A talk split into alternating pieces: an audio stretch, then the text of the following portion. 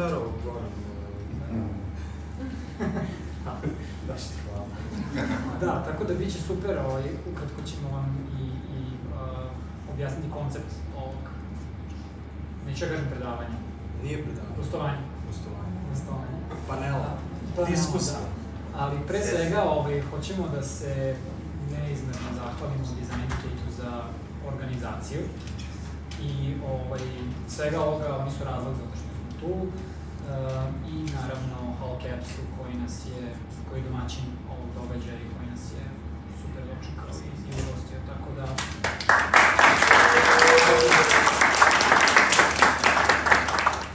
Gorane, ćeš ti sada da, da kažeš možda samo nešto?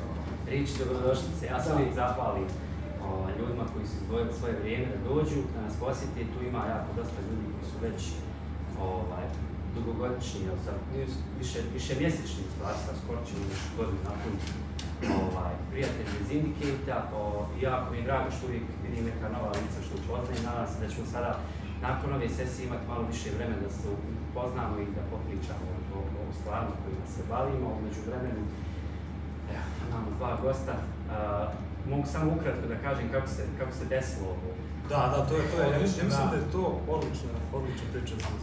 Ok, uh, ja sam prije nekih dva mjeseca, otprilike ti si bio ovdje prije neka dva mjeseca. Tako. U februaru. U februaru. Ok. Četiri. Četiri. prije neka četiri mjeseca sam ovaj, na jedan od njihovih uh, podcasta, pošto obično preslušam na Spotify, da pređem na YouTube, nekako volim da, da spojim sliku i, i zvuk. Ovaj, ostavio sam komentar, zahvalio se na, na onome što radi, momci stvarno zaista sa naših prostora jedan jedinstveni ovaj, uh, podcast koji dolazi isključivo za ono čime se mi bavimo. I onda sam se, dobio sam odgovor od, od, Arsenija i onda smo se čuli ovaj, privatno putem maila i nekako u, dva maila smo dogovorili ta, to njihovo gostovanje koje napravo mogu reći ono izgledalo malo nerealno, ali okej, on, neki je hook bio i, i, i, i ovaj, počeli smo nekako nesvjesno da radimo na tome.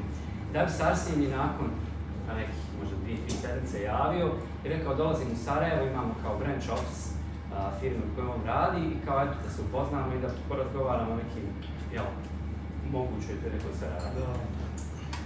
I sjeli smo, Ništa doročkovali kao, okej, Da. ja se bavim time i time, mi se bavimo time i time, kao, a, slušam podcast, ovo, ono, kao, jel možemo da napravimo neku, ne, neku, neki kao mi ćemo da dođemo, nešto da pričamo, ljudi da nas nešto pitaju, da napravimo neku diskusiju, da bude lepo i vama i nama, da mi snimamo epizodicu i eto nas ove, dva meseca kasnije, ovaj, Klap na pažnju. Hvala, Pa, pa, pa. Tako da, ovaj.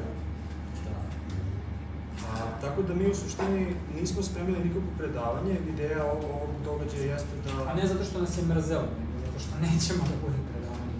Da, ideja, ideja našeg. Ajde prvo ovako, koliko ljudi sluša za ovaj podcast? Dobro, dosta. Znači, gomila novih fanova, ja sam. Da, Ovaj, tako da naša ideja jeste da demokratizujemo nekako dizajn proizvoda na našim prostorima, da pričamo na, na našem jeziku, da pričamo o našim problemima i to je ono zašto nam se ljudi javljaju, kažu e, ok, možda nisam saznao nešto novo, neku novu tehniku i tako slično, ali kao rezonuje sa mnom kada čujem na, ne znam, na srpskom i da, kao imam sličan pogled u firmi, kao, iako, ne znam, čitam blogove koji dolaze iz Silikon, iz Sil- Silicijske doline, mnogo mi je lepše i nekako se više povežem kada čujem na, na našem jeziku i ovaj, naša ideja jeste da eto tako idemo i pravimo događaje i da pričamo sa ljudima, upoznajemo kolege i ovaj, možda nekim novim ljudima olakšamo put da eto uđu, u- uđu u industriju i tome slično. Tako da, eto nas... A, a zapravo ovi, ovi formati su uh, nešto, a nije više ni eksperiment, nego hoćemo da, da iskoristimo ove formate kad smo tu, ono, lice u lice sa ljudima, da, da to više liči na neki razgovor i dijalog, nego sad mi smo došli nešto da pričamo, da, da ne kažem nešto, da ne lažem. Da. A, tako da, hteli bismo onako da malo freestylujemo uh, ceo ovaj razgovor. I uh, koncept je sledeći, kako smo mi to inače radili. Uh, imamo vruću stolicu, Goran trenutno sedi na njoj. iako nije crvene boje. da. Moja je crvena. I u suštini kogod hoće da pita nešto, ako imate neko pitanje za nas konkretno ili nešto želite da znate, možete nešto ništa. Ili će možda neko iz, iz, iz, iz publike da se javi da kaže ja isto to znam, evo ja ću. Da, da, što je isto. Bilo kakav vid participacije, sedne u stolicu i on, mikrofon, kao to je to. Ako nećete da dođete, to je isto okej. Znači, ako se ne znam, stidite i nešto, to je isto okej. Mi ćemo, Mi ćemo samo da ponovimo, ponovimo pitanje i probat će ćemo da, da, da odgovorimo. Tako da, eto, a, može da bude pitanje, može da bude neka izjava ili neka problematika ili nešto široko ili nešto uzano, šta god vama padne na pamet sa čemu god da se susrećete, mislim da je ovaj, skroz okej da, da govorimo o tome. Tako da, ne znam, Ako se ne možda imao, imao neko prvo pitanje, ovako da malo razbijemo led. Prvo pitanje. Pa ne znam. E, ja mogu samo da pitam nešto. A, može. Zanima me, uh, da li su svi ili većina dizajnera ili ima developera, ima nekih iz operative i tako dalje. Ili ima developera? Super, malo developera. Su svi ostali dizajneri Nisam, da. Nikad nisam bio među oko dizajnera. Dobro. Ok, hoćemo da pođemo sa, sa prvom turom pitanja.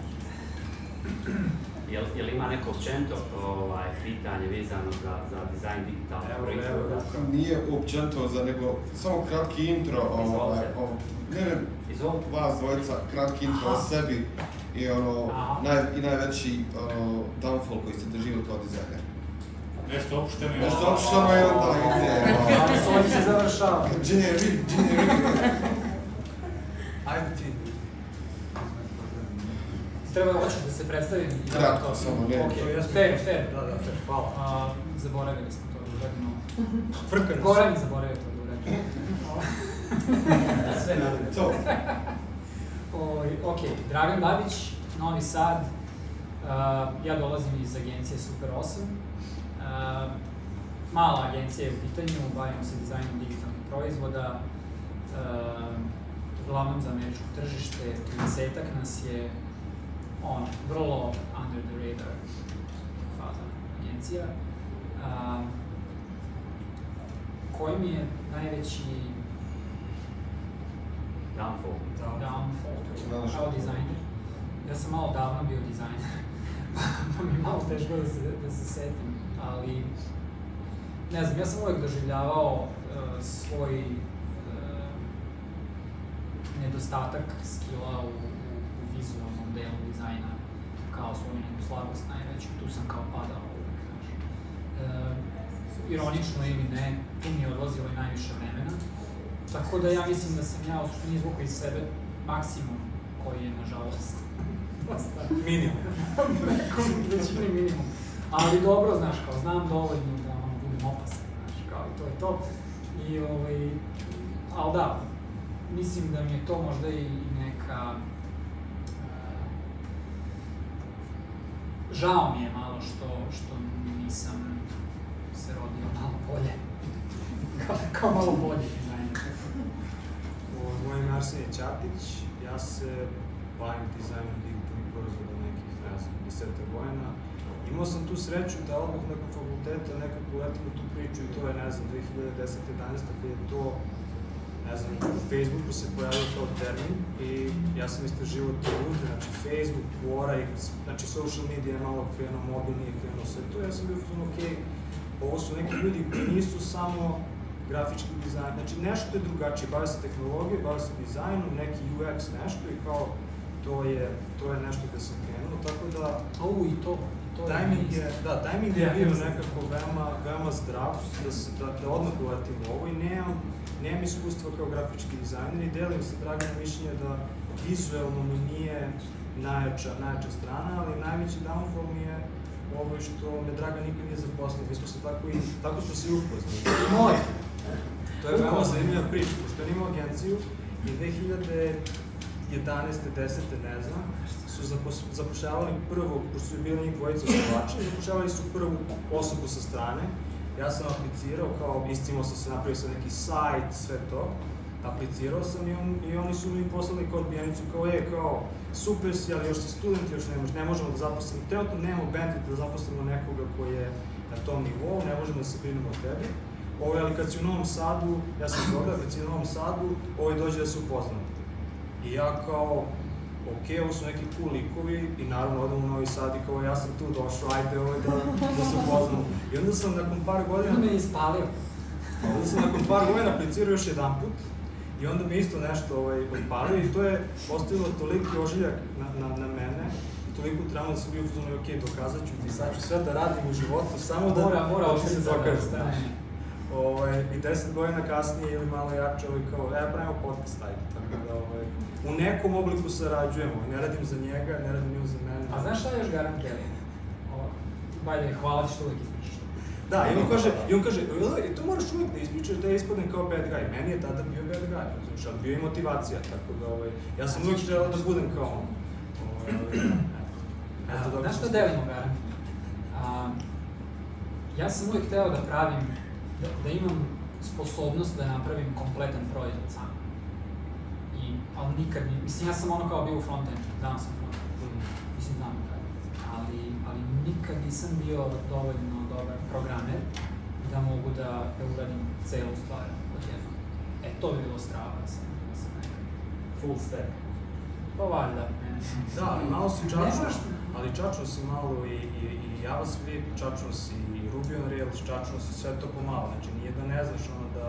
Pa taman dovoljno Da. te podsjeti koliko zapravo Ne znaš. tu si. O, I dalje mislim da bi to bilo stvarno strava. I, i meni je to potpuno ok i na mestu očekivanje koje možda postaviš sam ili sama na sebe, da ti to kao cilj. Ok, neću da uradim ništa najbolje na svetu, ali hoću da radim ove tri, dobro, ove tri stvari dovoljno dobro i kao, jer mi to otvara vrata da, da radim ono što stvarno hoću, a to je da, ne znam, brzo pravim Da, aplikacije. mi smo, mi smo pratili te ljude, izvini što, ali pratili smo te ljude koji upravo to rade za Facebook, to rade za Spotify, to rade za Quora i tako dalje. I paralelno su se razvijali ljudi, to jest razvijali se, ne znam, iPhone i kao ikonice koje su bile prelepe i aplikacije, da, i aplikacije koje su tada izgledale, ne znam, sad ima dosta mlađih ljudi, ali aplikacije koje su izgledale 700 puta lepše i kao otvoriš aplikaciju i gledaš ikonicu i kao, wow, ja nikada neću biti sposoban da ovo napravim ovako lepo, i onda kao, ali to nije za mene. Ali kao, da li sam ja onda dobar dizajner, ali onda šta radim sa sobom, znaš, kao, Da. koga lažeš? Iz krize u krizu iz Da. Postaje sindrom. vidi. Da, da, da, tako da, ovaj, to je, eto, ukratko, se da smo ti odgovorili na... Ti nisu onako. Da. To je trebalo da bude u stvarno pitanje. To, to. Samo što, što je Dragan imao pitanje. Da. I šta ste, ja što mi nastavim, i kako ste prevazišli, ako ste ga prevazišli taj imposter na početku? Dakle, pitanje je kako smo prevazišli Jeste uvijek ima druga. Pa, ja mislim da sam ja per, perpetualno u, u. Mislim, zato što mi se, što mi se više puta menjala rola, a, ti si uvek na nekom mestu, a misliš da treba da budeš negde drugde. Barem ja, nemam pojma, ja tako da razmišljam. Tako da se stalno u tom nekom gasu kaskaš za nečim što misliš da si. A, ja stvarno mislim da je to normalno. Znaš, a- ako si, ako ulažeš u svoju karijeru i um, ako se ložiš na nešto, znaš, ti si u glavi uvek pet puta bolji nego, ili bolja, nego ono što si sada i što, što možeš da budeš sada. I to tako ide, uvek kaskaš za nekim svojim potencijalom. U mom slučaju, dođeš nekad i do pofrena. Da, ja sam, ja sam nekako kapirao da je okej biti identitet. Mislim, koliko god se to ružno zvučalo, ja nemam problem s time jer kao, okej, ne mogu da, mogu da nacrtam neku ikonicu, ali mogu da napravim ceo sajt i da ga deployujem i tako dalje i mogu da otvorim ono Ruby Rails i da razumem šta je neki inženjer tu uspostavio, mogu da intervjušem korisnika i mogu da pričam sa nekim ono, prodavcem nekog softvera i da razumem šta je njegov problem i ne znam, mogu različite stvari kao, ok, ne radim nijednu stvar najbolje, niti ali dovoljno dobro da mogu da budem u sobama ili na, na zastancima sa svim tim ljudima. I kao, to je to. I ono kako smo mi u jednoj naših epizoda to definisali, naš drugi je to definisao, ovo je kao a, a, Ž oblikovani dizajn, znači ciriličnom Ž, znači imaš bitke na, na, na, na, svim, na svim stranama i kao to je to, ovaj, jednostavno prihvatiš da ne možeš da budeš ono specijalista, da budeš najbolji u nečemu i ti ljudi imaju veliku vidljivost i to je sad ono što nekako uvek postoji težnja, aha, ova osoba je najbolja za tipografiju, dizajnira fontove, šta god, nećeš biti taj, ali kao ako razumeš kako font funkcioniše i što je font ono neki mali program i kako se to, gde, kako se pravi, kako se modifikuje, kao, to je to. I uvijek postoji ta znatiželja da učiš nešto novo i nešto drugačije i ovaj, ne znam, eto, tokom, sad, zvuči, zvuči kao snob, ali tokom karijere, ovaj, tokom karijere sam imao prilike stvarno da se bavim najrazličitijim projektima i da budem u najrazličitijim ulogama spletom okolnosti, nikad nisam bio spreman za to. I to je ono što je, što je meni negde jaka lekcija bila da ono kao, uvijek sam se bavio stvarima kojima nisam bio spreman, što, što si ti rekao, kao, kao, ha, da li ti to možeš? Da, mogu, ali u sebi sam mislim, ne, ne mogu i kao, ali zdravo. Da, tako da nekako sam plivao, eto, to je... Da, ali to je generalno treba ti bude odgovor na pitanje, kad te neko pita da možeš nešto. Verovatno mogu, ali nisam još probao. Sigurno mogu. Ja To je to, to je to. A jeste li imali išta iz tokom karijere što ste rekli, probali i rekli ne, ne, ne, ovo nije za mene, ja to nikad ne želim više da radim. Evo, konkretno u mom, u mom slučaju, igrom slučaju došao do toga da radim neku 2D animaciju After Effectsu. Drugu noć, ne drugu, ja sam do ujutro ostao, znači dočekao sam sunce i sve to, završio, isporučio, rekao, hvala, nikad više. Jeste imali nešto što nikad više niste htjeli da taknete? Znači, pitanje je da li smo se tokom karijere nečim bavili, što smo probali, što smo rekli, e, ovo nije za mene, ovim neću da se bavim nikako, ovaj, imam. A, ja sam probao u jednom trenutku da se bavim 3D animacijom. Kao 3D modeliranje je ok, jako mi, ja imam, meni je jako teško da razumem 3D kao kako senke funkcionišu, kako oblici funkcionišu, sve to. Znači, imao sam baš, baš sam se mučio da razumem sve to, ali 3D modeling kao ok, ali kada su krenule stvari da se kao animiraju, to je, to je neka ono potpuno druga životinja i kao, to, to sam jako brzo, što ti kažeš, posle tri sata, e, ovo, ovo ne razumijem, ovo nik, kao treba će mi mnogo vremena da investiram da bi dobio neki mali napredak i kao odustao sam. To je jedna stvar, druga stvar, um, to neko, kako se zove, objektno orijentisano programiranje, to je nešto što sam eto zagrebao i što žao mi je što možda nikada nisam investirao više, ne znam, kao ok, čačneš Ruby, čačneš Python, kao sve to nešto jako malo da ti vidiš da razumeš, ali ne mogu da napišem aplikaciju od nula i tako nešto. Ovaj, ali, znaš kako ja verujem da ono, za sve imaš vremena u životu ako želiš, tako da to je nešto što ću se možda vratiti.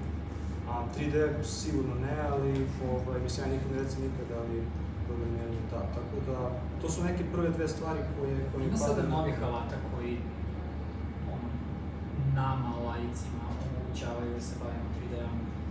Znaš, ima neki kao zove kroz browser nešto radiš, da, kao da. E, Između ostalog. bukvalno koji čita 3D element sad može generisati čak kompleksne forme kao ljudsko tijelo. Kako ćemo AI kasnije? Ovo je, čita podcast za to. kao može kao da se pristupačnije malo danas to nego da uletiš ne znam, 3D Max.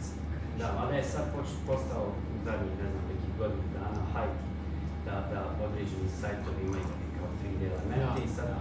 stock market je ono poprilično eksplodirao sa, sa tim nekim bundle paketima, 3D shapes, Mhm. onda čak i ilustracije, karikature, ovako, onako da, se to počelo koristiti, da su ljudi napravili određene neke proizvode koji su zaista tako ono, ajmo reći 3D for dummies, možda je loš Jest, termin, ali jest. doslovno je tako. To su, to su, uh, uh, mi smo s- svedočimo sada upravo uh, činjenici da se da formira čitav jedan sloj, da kažem, consumer softvera koji izbacuje mnogo ozbiljnije rezultate nego što bismo očekivali od konzumer softvera. Da. Znaš kao, Photoshop je profesionalni alat.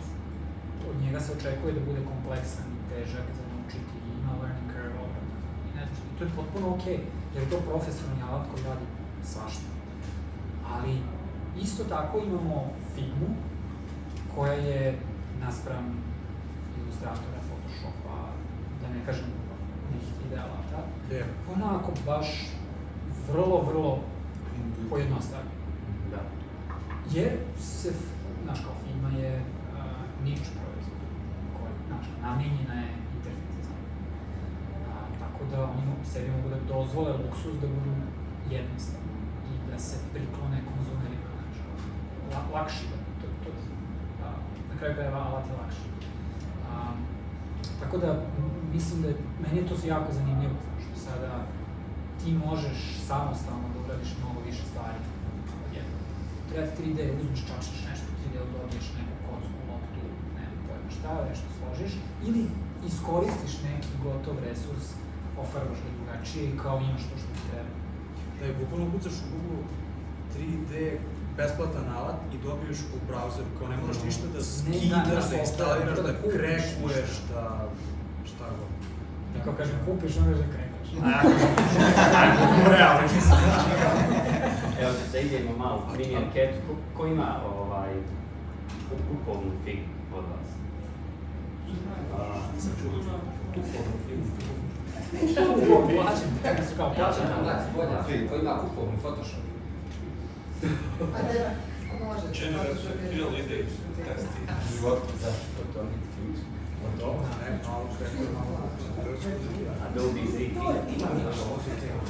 da, šta si ti probao pa si rekao da... A, baš sam razmišljao, kad si ti pričao, a, meni je opet to ciklično, ja sam tokom karijere razvijao određene verzije prema delovnim dizajnerskog posla, ali meni je to projekt management. Pošto sam ja, To sam te da kažem kao da će pravo. ja sam ovaj, dobar deo svog staža kod mene se očekivalo da upravljam projektima i ja sam bio ok sa tim dok god sam ja radio sa ljudima koji su ok i ono, dobar smo fit i, i nema projekt management. Dakle, ja sam upravljao projektima koji nisu zahtevali projekt management. Čim sam morao da se bavim projektima koji zahtevaju management, ja sam to apsolutno zamrzeo. Ne pada mi na pamet sa se bavim, jer ne znam. Kažem, Dvojica se ne može ući u nema stranu različite stvari.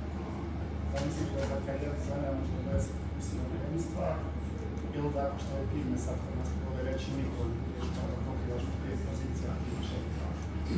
A, pitanje je da li je za dizajnere bolje da se fokusiraju na jedan aspekt Da, profesije ili da, da budu ono ž.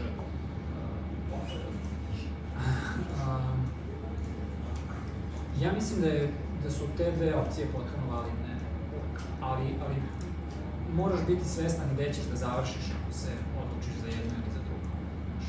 Tipa, mi smo čak imali celu epizodu o tome, specijalisti. Imali smo cijelu epizodu, da, mislim, aj, aj završi to. Uh, ukratko, samo to je možda i suma sumarum te epizode. Uh, Ne morate da slušate sad i po vremenu. da, sad ću. Treba treba. Ali kliknite neki 10 mislim, pregled. Um, ako, ako si generalista, recimo kao Arsenije i ja na kraju krajeva, znači ono, latiš sa svega što, što ti dođe pod ruku i možeš da malo čačneš da snađeš. Uh, nemoj očekivati da budeš kao, ne znam, najbolji UI, UX dizajner, šta god. I ti ćeš jednostavno biti tvo- tvoj, tvoje delovanje će biti jako tanko, ali jako široko u organizaciji. Dakle, imaćeš touch point sa maltene svakim departmanom, ali ne, nećeš imati sposobnost da, da napraviš veći. Da. Ali si ti tu taj neki kao lepak u toj cijeloj organizaciji, kao takav si najkorisniji malim organizacijama kojima treba čovjek koji zna sto stvari da uradi. Ali nije toliko bitno trenutno da, da kida nešto. A ako ideš u specijalizaciju... Samo mislim, mislim, sad ćemo sam. I nemoj da očekuješ da će biti knjige ono kao sales for designers, znači nema, ti ono, čitaš knjigu za prodavce, ti učiš i prelaziš u ulogu predavca, to je to, kao nema, ili project manager ili čega god. Skoro sam se nekim pričao koji je očekivao, kao "E, kako ne postoji knjiga, ne znam, sales za dizajnere, kao zašto bi bili, kao ako si dizajner, ti dolaziš sa jednim mindsetom koji primenjuje taj mindset na drugi set problema i kao to je to. Trebaš da naučiš neke metodologije koje će malo ti ubrzaju. Samo Da. sam to htio. Da. Čisto, da. I drugi deo tog odgovora je uh, specijalizacija koja te ono kanališe i ti postaješ ekspert za, za mali broj stvari. Da ne znam, branding ili UI, šta god. I onda ne možeš da očekuješ da te zovu na sastanak gde se priča o projektu. Zato što ne, nemaš dovoljan opseg znanja o, o tome da bi bio koristan na tom sastanku. Nego će te zvati kad bude došao na red tvoj deo posla i on će ga uraditi. Da, mislim da, samo da se nadovežem na ovo, mislim da kao specijalista nemaš prosto da praviš kompromise, jednostavno moraš da odbijaš gomilu stvari, gomilu posla, da kažeš x puta ne, da bi se bavio onim što je tvoje i da se baviš na najbolji način, ono, ti se onda takmičiš u, na, svet, na svetskom nivou, to je to, ne postoji Bosna, Srbija, Balkan, šta god, postoji svet, postoji internet i to je tvoja arena. Dok ako si generalista, ti prihvataš različite opcije i u fazonu si, ok, uzimam ovo i vidim, gledam gde će, gde će put da me odvede. I to je veoma izazovno. Neki, neki ljudi koji ja znam su probali to da urade i jednostavno im je previše. Hoće, ukapiraju da im je previše i onda se povuku i kao je ok, ja znam ove tri stvari, želim toga da se držim i bavim se, bavim se samo time i to mi je super. Osjećam se jako komfortno, pro- produbljujem svoje znanje, svoje veštine, gradim sebe u tome, gradim svoj autoritet u toj oblasti, to je to. Tako da postoje, mislim da su potpuno različiti izazovi, ne samo, ne samo to kao da li ćeš se zaposliti na, na jednoj poziciji ili ne. Mislim da kod nas i jedan od razloga zašto mi imamo ovu govoranciju i podcast i sve jeste da a, u povoju je kao hvata neki zalet cela priča i Pa, o, I onda ovaj, a, jednostavno kompanije a, zapošljavaju ljude koji mogu, na početku zapošljavaju ljude koji mogu svašta nešto i onda vremenom kako se timovi prirodno šire, ljudi se specializuju. I onda kada ti imaš tim, ne znam, od 20 dizajnera, ti ne tražiš nekoga ko ti, ko ti radi sve, nego tražiš najboljeg ko ti ređa tipografiju i to je to. Da, moj problem je što generalno trenutno da sam bio tim lead, većina kompanija, odnosno moja kompanija će htjela da se bude ovdje, da radi sve. I mi smo uspjeli kazati da napravimo nekako da se fokusira da izvučeš maksimum iz svog člana, ako on dobar UI, da se fokusiraš na to, da on bude stručan za to i da pomaže svim ostalim timovima, nego sa cilju će ti bolje da budu ujedno dobri UX, da se budu dobri sa brandingom, sa fotografijom, sa bilo čime. I onda to stvara problem, dobiješ ti hrpu ljudi koji ne mogu da rade ništa dovoljno kvalitetno. Znači, svi rade u ground, ali niko ne radi nešto niš, ni ničem dobar, baš jesi neko ko je stručan u firmi i može svima u na. Tako da je dobro. Da, to sad, mislim, to je sad dosta ja, ja mislim da to može da bude, uh, dakle, samo da sumiram, pošto vjerojatno neće. Da, ne, ništa čuo, da. Um, problem je bio da, da je u jednom momentu vaša organizacija postala uh, grupa all-rounder. Falilo je specijalizacija. O tako? Da. Nisam dobro razumio. Da, da. Uh, to je možda samo onaj kao bol u odrastanju jedne organizacije. Možda je to bila tačka koja gde treba nešto da se uradi, da se, da se izmeni ta situacija i, ili kao naš, ne, ne ideš dalje, to je zid naš kojeg treba preskočiti. Sad.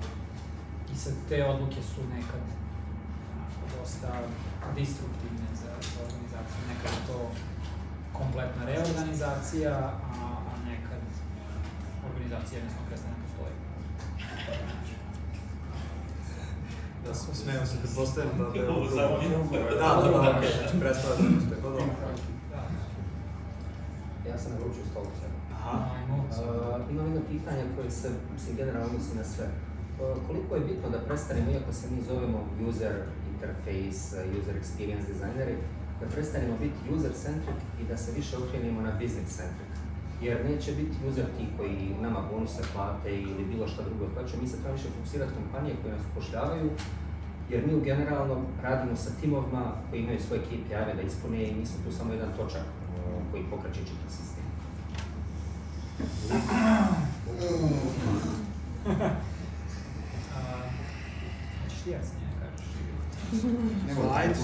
Znači, mislim da je, sad ovako, neću, neću dati nikakav odgovor, mislim, ovdje ću dati samo neki svoj ugao, ali nemam, nemam odgovor. A, mislim da je izazov u tome što mi kao dizajneri stalno sve žulja. Aha, sporo je žuljame, ružno je žuljame, ne prodaje se dobro žuljame, nije konverzija dobra žuljame. Znači, s- sve nas zanima i sad jednom kao hoćemo se bavimo biznisom i onda kao odem na sastanak sa mojim, mojim kolegom iz prodaje i gledam kako on prodaje i slušam tamo nekog drugog ko treba da kupi i ja sam u fazonu, e, ja bi to, ja bi to drugačije, ja bi to ovako onako. I sad, jedno, jedno je ugao kako bi ja, ali ja nemam tu odgovornost, a druga je potpuno stvar preuzimanja odgovornosti. A, I mislim da su to neke stvari koje su meni, kako da kažem, opozitne. I mislim da treba da protekne dosta vode da bi se mi prepoznali sad odjednom kao, aha, krenuli smo da krenuli smo da crtamo neke dugmiće, pa odjednom pravimo neke interakcije, pa odjednom se brinemo za to kako će nešto da radi, šta će biti skop, da će neki inženjeri raditi mesec dana ili šest meseci ili šest godina. I sad odjednom, e da, okej, ovako ćemo da pravimo da bismo ovo prodavali po ovoj ciljnoj grupi i tako dalje. Mislim da tu treba da se uspostavimo, pogotovo mi na, na našim prostorima. Ja svakome predlažem ko misli da je spreman na tako nešto, da napravi neki svoj biznis, da se bavi zapravo dizajnom biznisa, kakav god kakav god ovaj, a, a, taj, taj, taj biznis bio. Tako da to je, to je onako, pričam iz svoje, iz svog ugla. Um, da, i, i, i onako neke kolege koje sam imao koje to pokušavaju na nekim mikro, mikro primerima i onda uvek, uvek neko drugi ispadne, da kažem, po znacima navoda, grbavi, krivi, to sad eto, ne može ovako i ne može onako, ovaj, ali da, veliki izazov, veliki izazov, ja bih čak možda, aj sad ovako imam, imam i drugo mišljenje, a to je da ako napraviš saradnju sa, uspostaviš sebe u organizaciji i napraviš saradnju sa, ne znam, kako se to zove, iz- izvršni, izvršni direktor, da, C role, CEO, CEO, ko god, i ako postaneš neko, ko, njihov konsultant, neko kome će oni da dolaze i da, da te pitaju za savet i tako dalje, a, ti onda tu radiš tu, ne moraš da se ti nužno baviš time, ali imaš, znači prvo daješ input biznisu i biznis tebi daje input. Da. I to je, to je već neki nivo saradnje, neki nivo zrelosti i opet određena doza odgovornosti. Tako da, eto, kao, aha, možeš direktno da se baviš, da ideš ono da pričaš sa korisnicima i da prodaješ njima. To je, ja preporučujem svakome ko želi, ko misli da je spreman, super, misliš da možeš bolje napraviš svoj biznis, ali neki ono middle ground jeste da zapravo uspostaviš saradnju, da razumeš šta se tu govori. Ja sam često puta video, ljudi su u aha, evo za biznis problem, i sad ću ja da napravim UI, i sad ću ja napravim flow, i sad će to nam trebati šest meseci. Brate, za šest meseci odoše korisnici, nema, ne- neće niko da kupuje. Znaš kao, aha, da li možemo da napravimo Word dokument gde ćemo da napišemo tu i stavimo neke sličice da pošaljemo korist o kupcu, to jest, izvini, customeru sada, ili da napravimo, ne znam, Facebook kampanju ili nešto, znači ti u tom trenutku nemaš nužno prostor da se baviš interfejsom i onim što bi, što bi uvek se bavio tako. Tako da to su, i to je nešto što Dragan ja stalno, ovaj, baš pričamo stalno baš o tome, ti si pravio neke vežbe za dizajnere, nešto slično, ono, kako pristupa, kako rešavaš problem koji nije nužno Dizajner. suvi dizajnerski problem, da, tako da, ne znam, Da, kažem, nisam da, to, dao to, već, ali- to već ide u management role. Uh, Mene više zanima čisto kao, eto recimo, da objedinimo produkt dizajneri. Uh, nešto što je najbolje za korisnika, 100% ne mora znaš da je uvijek najbolje za kompaniju koja to radi. Kako to dvoje najbolje bi nekako mogli izbalansirati? Ja mislim da mi kao dizajneri treba da se bavimo etikom. Mislim da je to negde prvi postulat. Znaš sad, zavisi, ako govorimo o nekim etičkim stvarima, Ne, ne, ne, ne mislim na dark patterne, nego čisto, znači ono što je najbolje za korisnika ne mora uvijek biti najbolje za kompaniju. Znači kompanija uvijek prva, primarno cilj profit. Znači njima je primarno cilj uvijek da prodaju taj produkt da zaradi na njim, da što više korisnika dobiju. E sada, ako mogu kompromis da je to, ne znam, 70-80% dobro za korisnika, ali neke feature ili neke stvari se izostavi iz aplikacije, onaj, kako to handlati? Nisam siguran da, onda, onda nisam siguran da su to pravi koji, mislim, koje onda, kome onda, znaš, ne znam, nisam bio u takvoj, nisam, kad se produkt Ja prodaje mislim da je- kao good enough. Znači nije perfect za korisnika, ali good enough može, može proći, znači korisnici su kao zadovoljni, ne moramo dalje ga znači urat perfekciju da je znači sve, dobro, ali onda to nije on nužno loš za korisnika.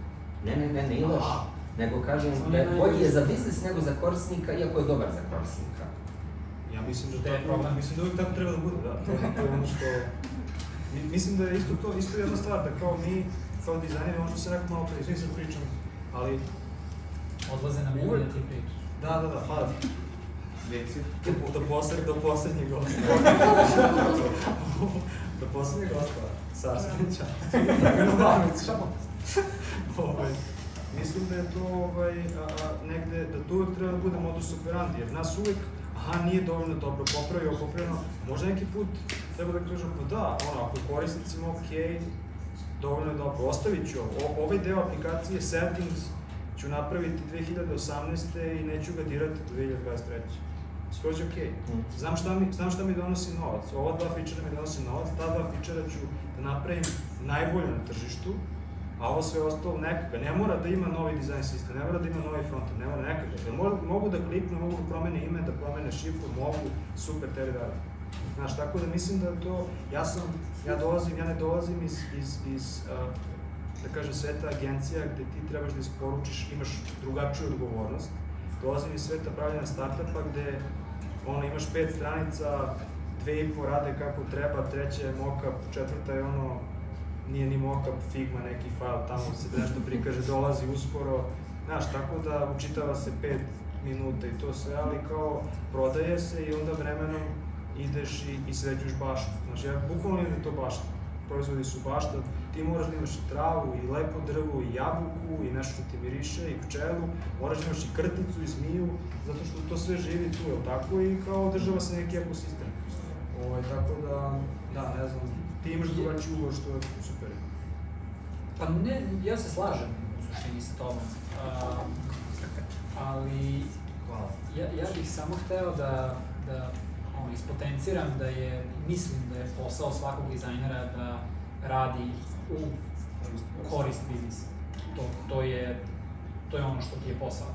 To je, to je bottom line dizajnerskog outputa. Uh, mislim da često dizajneri nisu svesni vrednosti i koju isporučuju, koliko je ta, koliko ta vrednost vredi biznisu, koliko doprinosi biznisu. Uh, u, u smislu da, da mislim da dizajneri misle da je ona mnogo veća nego što zaista jeste. I u suštini, pored toga što ti radiš za, za biznis, ti naravno moraš da brineš i o. U raznim specializacijama ti možeš, imaš luksuz da se fokusiraš na jedno ili na drugo. Dalje. Ja sam uvek product design rolu gledao kao nekog rolu koja, koja se brine o svemu o, o, o balansu i svega toga. Um, ali, ali bottom line je da, da, da sav dizajn mora da služi svrsi koja god da je svrha biznisa. Um, ono na šta bih ja voleo da apelujem uh, svim dizajnerima, da, da budu jako svesni u, u kakvoj organizaciji su i kako ta organizacija, odnosno taj biznis, koristi dizajn. Ve, iz mog iskustva, većina frustracija dolazi iz toga što recimo ti kao dizajner hoćeš da dizajn kida, a biznis je u fazonu ne, daj mi, daj mi minimum mi daj i, i idemo na sledeći. Znaš. I tu onda dolazi do tog nekog diskonekta i, i, i rađa se frustracija. Uh, i, I onda imaš sve one priče, oni ne cene, pa možda i ne cene šta ćeš ti onda tu? Znaš. Zašto hoćeš da budeš najbolji dizajner u organizaciji koja ne ceni dizajn? Ili u biznisu koji ne zna da iskoristi dizajn kao aset? Ili budi taj koji će da ga promeni, ili pali dalje, ne, nećeš naći sreću tu, znaš, ne, neće biti dobro. Tako da ta, to razumevanje uh, između IC-a, odnosno individualne kontribucije, svih rola u, u dizajnu, i bi, ono, vizije biznisa i, i toga kako oni funkcionišu i na kraju prave taj profit koji je jako bitan, mora da postoji, to razumevanje mora da postoji, moramo da znamo zašto radimo i moramo da znamo uh, kako se to koristi da bi generisalo taj profit. To je, to je, ja mislim, nešto što je... Samo da dovežem još jednom, što što već pokrenuo tu temu. E, Koliko je bitno dizajnerima, pogotovo mlađim danas, da se emocionalno otkače od svojih dizajna koji rade profesionalno, koji, od kojih, za novac. Da ne primaju sve srcu. Pa mislim, ne, nema smisla da tebe lično vređa kritika tvog rada. Mislim, naravno to je teško. To je, to je uvek teško, ali um, nekako je to znak da si ti se formirao i sazreo i da si ti profesionalac kada, kada ti ne pristupaš više emotivno uh, svom radu, nego ga u startu, mislim, tvoj dizajn proces postaje takav da je imun naravno, podrazumevamo da, ono, kao naš dizajn kritika nema ad hominem napada i, i ne znam šta, nego se stvarno kritikuje rad, a ne kreator. A, to ne bi trebalo da, da vređa. A, a znam zašto vređa. Znam zašto vređa, zato što ti je stalo. I zato što si se toliko trudio i, i potrošio vremena i ne znam šta, i sad neko dođe i kao kaže nešto loše o. Ali, znaš, opet ono kao korak nazad, zašto su rekli to loše? Jer ne razumeju šta si im pokazao, da li su jednostavno loši ljudi, da li su na nekom power tripu i hoće da opravdaju zašto su u toj prostoriji i zašto vode taj sastanak. Ili se razumeju i od njih možda nešto da naučiš. Tako da uvek tu ima ono svega. Samo mislim da je tanka linija između toga a, koliko je tebi stalo i, i onoga da ti uopšte nije stalo, jer isto to može da se očita ako, ako imaš, ako imaš preveliku demokratizaciju i slušaš razne strane i pokušavaš, ne da kažem da zadovoljiš, nego da nađeš možda neko najbolje rešenje u datom trenutku, često može da se proceni, aha, pa ovim dizajnerima nije stalo za dobar dizajn. I onda se pojavi neko drugi, dođe neka druga osoba u, u organizaciju koja je u fazonu, ne, ovo ćemo ovako, ovo će ovako, i kao, e, vidi ga ovaj kako kida i kako zna i kako čuva dizajn. Tako da to su, ne kažem da je jedno nužno dobro ili loše, ali mislim da postoji, u ono što je bitno da razumemo jeste da opet kao nova disciplina i svaka organizacija je drugačija, znači koliko god mi sad čitali neke procese, iste, slične, ovo su najbolje prakse i tako dalje, znači svaka organizacija ima nešto svoje, svi su mi individue neke koje radimo na nekom, nekim frekvencijama malo drugačijim i kao timovi radimo drugačije i tako dalje. I mislim da je užasno bitno da se ovaj, razume kako ja postavljam dizajn u svojoj organizaciji i kako ti postavljaš dizajn u svojoj. I to je, koliko god se to banalno zvučalo i kao što ovaj priča, mislim da je na kraju dana istina. Ako mi pokušavamo da konstantno imamo iste procese kao neka ekipa u Silicijevskoj dolini koja ima investiciju 55 miliona i iskustvo ono 55 godina ispred nas, recimo, ne kažem da jeste, ne kažem da smo mi ono uvek iza, ali kao potpuno drugačije i drugačiji set problema nego, nego mi. I to, to stvarno mora da Da. prestane. To kao čitamo medijum članke kako bismo trebali da radimo dizajn. Koji predušu Ej, samo, samo, da- jedna, samo jedna stvar, znači šta je, šta je protiv otrov za to? Ako te frustrira dizajn na poslu, ok, dizajniram na poslu zato što zarađujem neki novac, taj meni novac omogućava da, ne znam, se obučem lepo šta god idem na letovanje, nađi neki projekat sa strane, stvori nešto sa strane i tu pokaži sve što znaš. To je to. I, i to je ono tvoje, tvoje čedo, to ćeš da držiš, to ćeš da čuvaš, šta god to bilo, da li to bila mobilna aplikacija za, ne znam, ono, prognozu, ima ih 500 miliona, ja ću napravim najbolju na svetu i to je moja, ja ću napravim tako i to je to. Ja svima, ono, stvarno, to je bio moj ventil, ja sam kroz takav ventil neke se sebi putanje otvorio u životu, upoznao gomila nekih ljudi koji su rekli, e, ti je ona aplikacija, šta god, i to je to, kao, i ja odem na posao, radim neke stvari koje kao, ono, šta znam, kao, to je to, trenutno sam na tom nivou, možda mogu bolje, možda ne mogu, možda će sledeći posao biti bolji, odem kući, sat vremena, pa ured nešto, s čime sam zadovoljan, kažem, dan si bio dobar dan, super, idemo u krevet. Tako da, ovaj, to je, to je, to je ono kako, kako bi ja radio. Da, ni- nisam mislio toliko indiferentnost, ono poslu kojim se baviš, nego jednostavno e, da nisi emocionalno vezan što se tiče kritike, znači ti možeš i kidat sa dizajnom i sve znači sisteme u kompaniji promijeniti, ali da ne primaš toliko u srcu, znači svaku promjenu koja se dešava u dizajnu, jer to dizajn ne gledaš kao nešto što je tvoje, što si ti kreirao, a bukvalno znači samo da si emocionalno distanciran od stvari koje radiš, ali ne indiferentan prema njima. Okej. Da te, da te, da te boli briga. njih. Razumem, isto, isto imamo, imamo neke kolege koji su e, inženjeri u sobi. I isto je kao kad sad mi dođem i kliknem i ja kažem, e, Milice, jel znaš da, da, da se ovo sporo učita? I sam kaže, jao, znam, ali znaš, sad je to dva poziva, ovo, ono." identično je. Identična je stvar. Mi smo profesionalci u poslu, mi trebamo da znamo zašto nešto radi, zašto nešto investiramo ili ne investiramo, kad prihvatim, znaš, možda treba da radi tako sporo, zato što nam je, ono, izmena šest meseci, iako možda meni to, znaš, ovo mala ikonica, onda kažem, pa nije to ikonica, znaš, treba mi ceo dizajn sistem, pa treba mi set ikonica, pa treba ovo, treba ovo.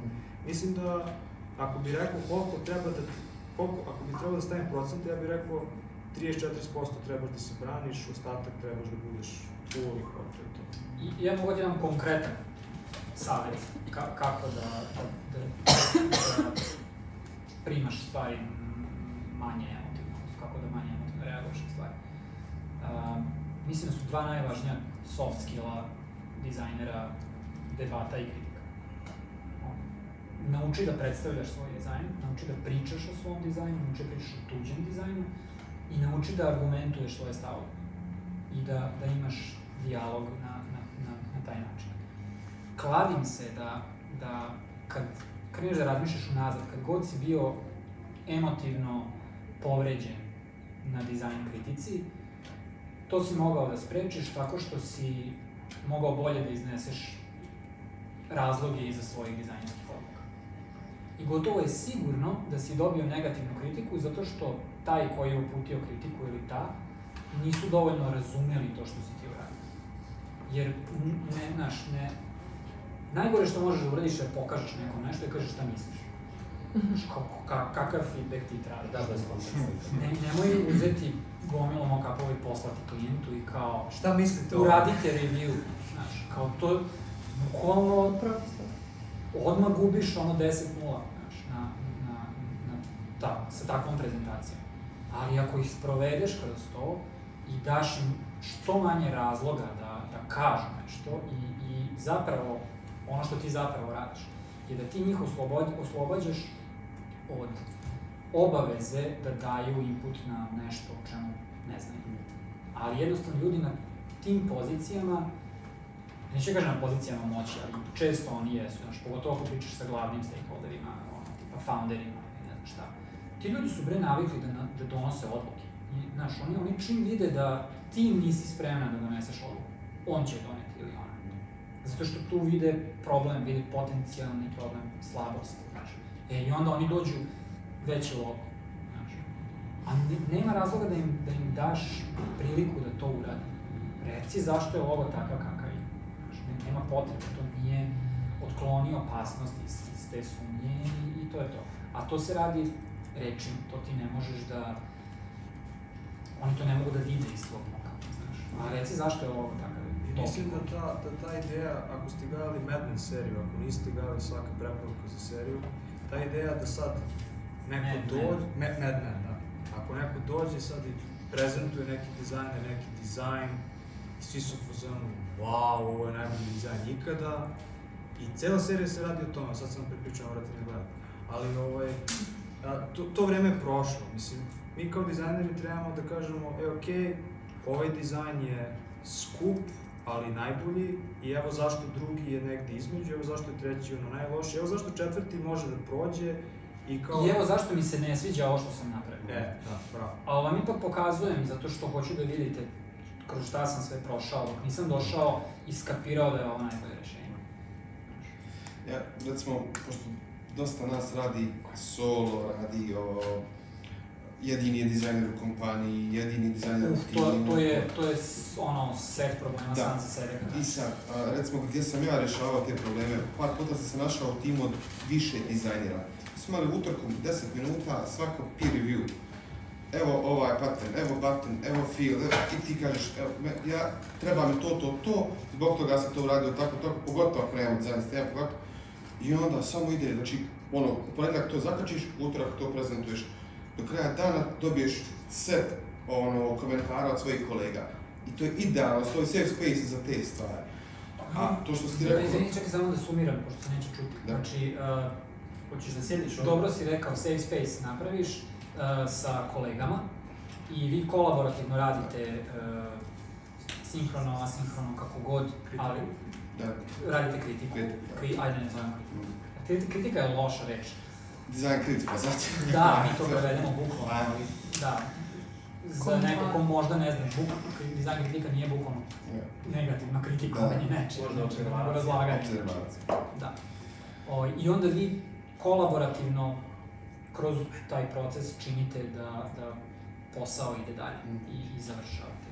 E, to se može kad imamo timove. A kad smo single, uvijek, ja, kad sam jedini bio dizajner, uvijek sam volio naći frontenda koji, mislim, najviše radim sa frontendašima, koji ima uh, oko, o, mislim, glupo reći oko za dizajn, ali u, znam da da ćemo uputiti ono, e, znaš, vidiš padding se ovdje fulio to, i recimo, pogotovo ako smo isto na istom projektu i nema problema sa NDA-ima, s ovim, s onim, i recimo, ja sam se frontendašima preklanjao, tako da uvijek možemo naći nekog s kojima, kojim prije odlaska stakeholderu možemo imati kao sanity check, ono, sa A, iskren da ti budem, da, dakle, uh, alternativa kada nemaš uh, luksuz tima oko sebe, Dizajn. je, dizajn tima, je da, da taj tim formiraš sa nekim drugim, iz nekog drugog departmana, kao recimo frontenderom, i onda vi zajedno gurate tu jednu celu stvar. I to je odlično. Uh, iskreno, ja sam uh, najviše volao da pravim taj tim sa stakeholderima. Dakle, bukvalno tretiram stakeholdera kao legitimnu osobu koja daje input dizajnu i, i brinem se da osiguram da oni imaju uvid u, u čitav proces, ne samo u krajnji rezultat. I na taj način im um, činim da je to sve sve transparentno, to uglavnom rezultuje tome da to otkloni bilo kakvu sumnju da si ti ne, da se neka magija dešava u dizajnu ili ne znam šta. Uh, recimo Figma je to načinila da bude, mislim, UX tog procesa je u Figmi meni fenomenalan. Ima ono praćenje kursora, znaš kao ja bukvalno tražim da se nakačimo, ajde radni sastanak dva sata Mhm. i cepam. Aj probamo ovo, aj probamo ono, ne znam šta. Ne, neki nemaju luksuz vremena da, da ulože uh, za tako nešto. Iskreno, to je iz mog iskustva manjina. Um, oni koji nisu za to su često i oni koji samo hoće da ono, prebace odgovornost na tebe i kao radi ovo kako treba i znaš, mm. neću puno se meša. Dodao bih još dve stvari. Izvini, izvini se. Gotovo, da. Prva stvar je da... Da, gazda. A? Da, gazda. Razumem. A, druga, prva stvar je da a, jedna od stvari koja sam, ono, meni je potpuno promenilo način na koji razmišljam jeste Loom. Sad ti vi koristite a, Tela. tela. Aplikacija kojom snimiš, ne znam, ekran, snimiš sebe, napraviš prezentaciju, 5 minuta, 10, ja imam Loomove koji trebaju 45 minuta. Kad objašnjavam neku problematiku, nešto novo treba da pravimo, ja sedim kući uveče, snimim se, pošaljem kolegama i kažem, e, kad imate vremena, prođite kroz ovo, ostavite mi komentare, to je prva stvar, jako je dobro zato što tek kad ti snimiš i kad pogledaš, u fazonu si, wow, ovo nema nikakvog smisla. Bukvalno ono, moj tok misli nije dobar, propustio sam tri ekrana, ovo, tek kad kliknem, kao, to je To, odlično. to je izazov solo dizajnera još. Ti si jako dugo, ti je to u glavi i, znaš, um, da bi ti napravio neku celinu, neki flow, ne, ili ceo proizvod, ti moraš o njemu da razmišljaš na prilično abstraktnom nivou, ali onda dok radiš na interfejsu, ti moraš da si u detaljima i, i u tim promenama tog konteksta se često dešava da nešto zaboraviš, promakne ti. Ali time što sebe nateraš da nekom predstaviš to, prezentuješ, objasniš, e, to te zapravo tera da ideš bukvalno korak po korak i, ovaj, i, i malo granularnije razmišljaš o tome. Ako, ako već nećeš da predstavljaš ili radiš solo, a, ja često koristim onaj metod kao, aha, šta će se desiti kad kliknem ovde? I onda kao, aj razmišljaj sad, otvorit će se moda, šta će biti to, kako će se zatvoriti, nešto može se briše, nešto može se edituje, može, znaš. I onda kao na kraju ti si misli treba četiri ekrana, stvari treba 16 ekrana. I. I druga stvar je, mislim, na kraju dana, ovde su kolege, kao ako je nešto što, sam si rekao NDA, ako je nešto što smem da podelim, ne znam, nađete se ujutru na, neki, neki doručak, evo laptop, evo na čemu radim, objasniš, dajte mi feedback. To, to u Beogradu postoje ona zajednica koja kao to, to radimo često, svake druge nedelje, se nađemo i kao ljudi donesu, naprave mini prezentaciju, svako ima 5 minuta, i jednostavno dobije feedback od kolega iz prve ruke i kao to je to. Ne mora da se čeka ono dve nedelje, može kao aha evo ono video, evo šta je problem, šta misliš ako je neko dizajner, ako je neko frontend, ako je neko backend, šta god. Mislim, zato i radimo ove stvari da bi, da bi malo to demokratizovali, da, tako da ne znam, eto, to su neke alati koje mi kao koristimo, ovaj, da. Izvini samo, ti si htio nešto. Da, zanima me kreativnost kada je u pitanju. Koliko sebi dozvoljavate uh, da se striktno posvetite bez ikakvih drugih rješenja, ideja, istraživanja, direktno da pristupite problemu ili da imate pristup i da li imate pristup da napravite istraživanje kako su drugi radili i koliko možete razraditi što je neko možda dobro započeo i onda u nekom dijelu već pokvario ili poremetio i da se to nadogradi ili samo da bude baš originalnost i ta kreativa, ideja da je jel, prvobitno vaša. A, ja lično uvek gledam šta mogu da ukradem i da, da kao napraviš istraživanje gledaš kako drugi ljudi rade neke stvari, ako su, ne znam, paterni neki ponašanje u pitanju.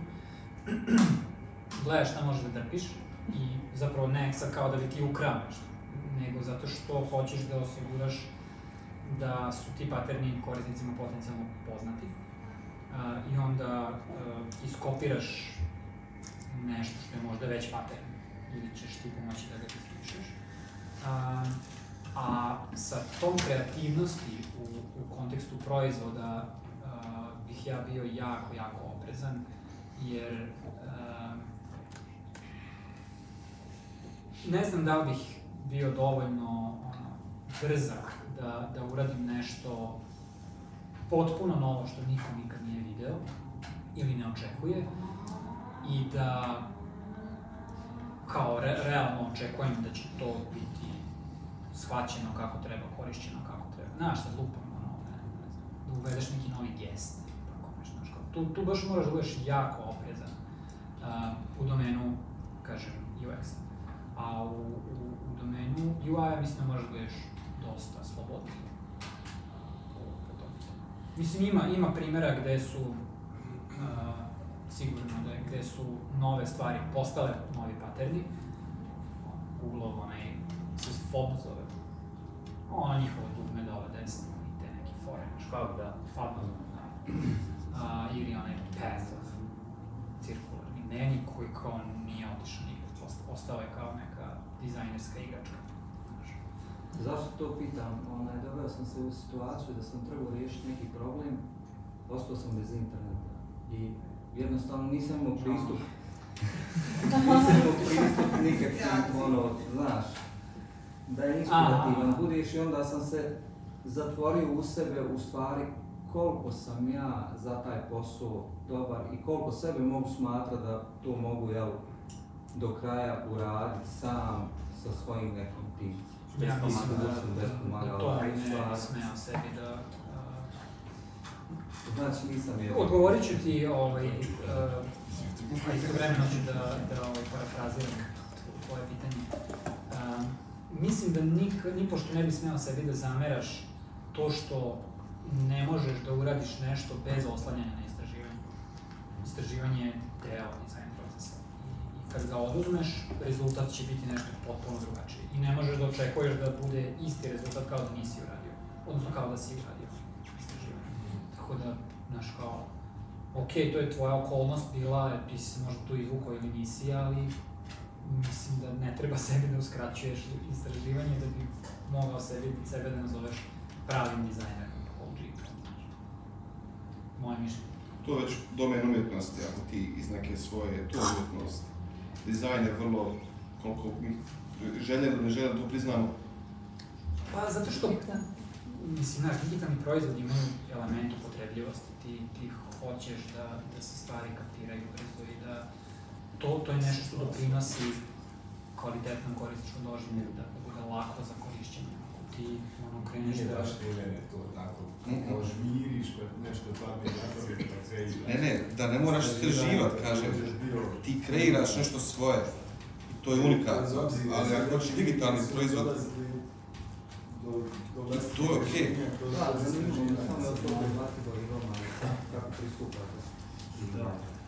Samo, samo da se vratim. Ja, ja, mislim, ja mislim da je to užasno zdravo. Znači, ja imam, ajde da kažem, taj prostor, možda sam izgradio taj prostor u organizaciji gde radim, da jednostavno se do nekada od mene, oč- od mene od tima, naravno sad od tima, očekuje da mi damo viziju. Znači, mi konstantno a, ok, smo na nekom tržištu, znamo ko su nam konkurenti, znamo šta izbacuju. Trenutno imamo tu sreću da su konkurenti veoma transparentni u smislu na svom blogu okače novu, novu funkcionalnost i mi otprilike znamo, aha, iskopirali su nas ili loše su nas iskopirali ili aha, zašto su ovo ovako radili. I onda kada se pravi nešto, sad u zavisnosti šta je to, neću, neću za svaku funkcionalnost to govorim, znači ako, se, ako govorimo, ne znam, o rolama i permisijama, brate, tu se zna kako to funkcioniše, znaš, ali ako Ne govorimo... onako kako Google. Da, ali ako govorimo o nekom jako domenskom, a, jako domenskoj funkcionalnosti, gde, ne znam, u ovom slučaju kao neko ko se bavi HR-om treba da dođe da uradi nešto i ja, ne znam, dizajnirajući pre toga aplikacije za, ne znam, biotek industriju, kapiram šta je pattern i kažem, e, niko na našem tržištu ne radi ovo ovako, ali evo ti UX koji radi u nekoj drugoj industriji i koji odgovara na ovaj problem 100%.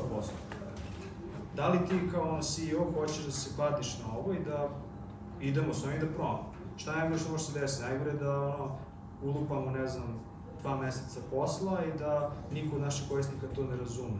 Možda ću napravim prototip, i to uvek radim, bacim ono nekim uh, ljudima iz domena, uvek imamo neki, kako mi to zovemo, brain trust, nek, neku ekipu koju su HR-ovi ko mi cenimo njihov rad i oni su korisnici, bacimo im prototip, pričamo s njima, oni vide, dobijemo feedback i napravimo neko među rešenje.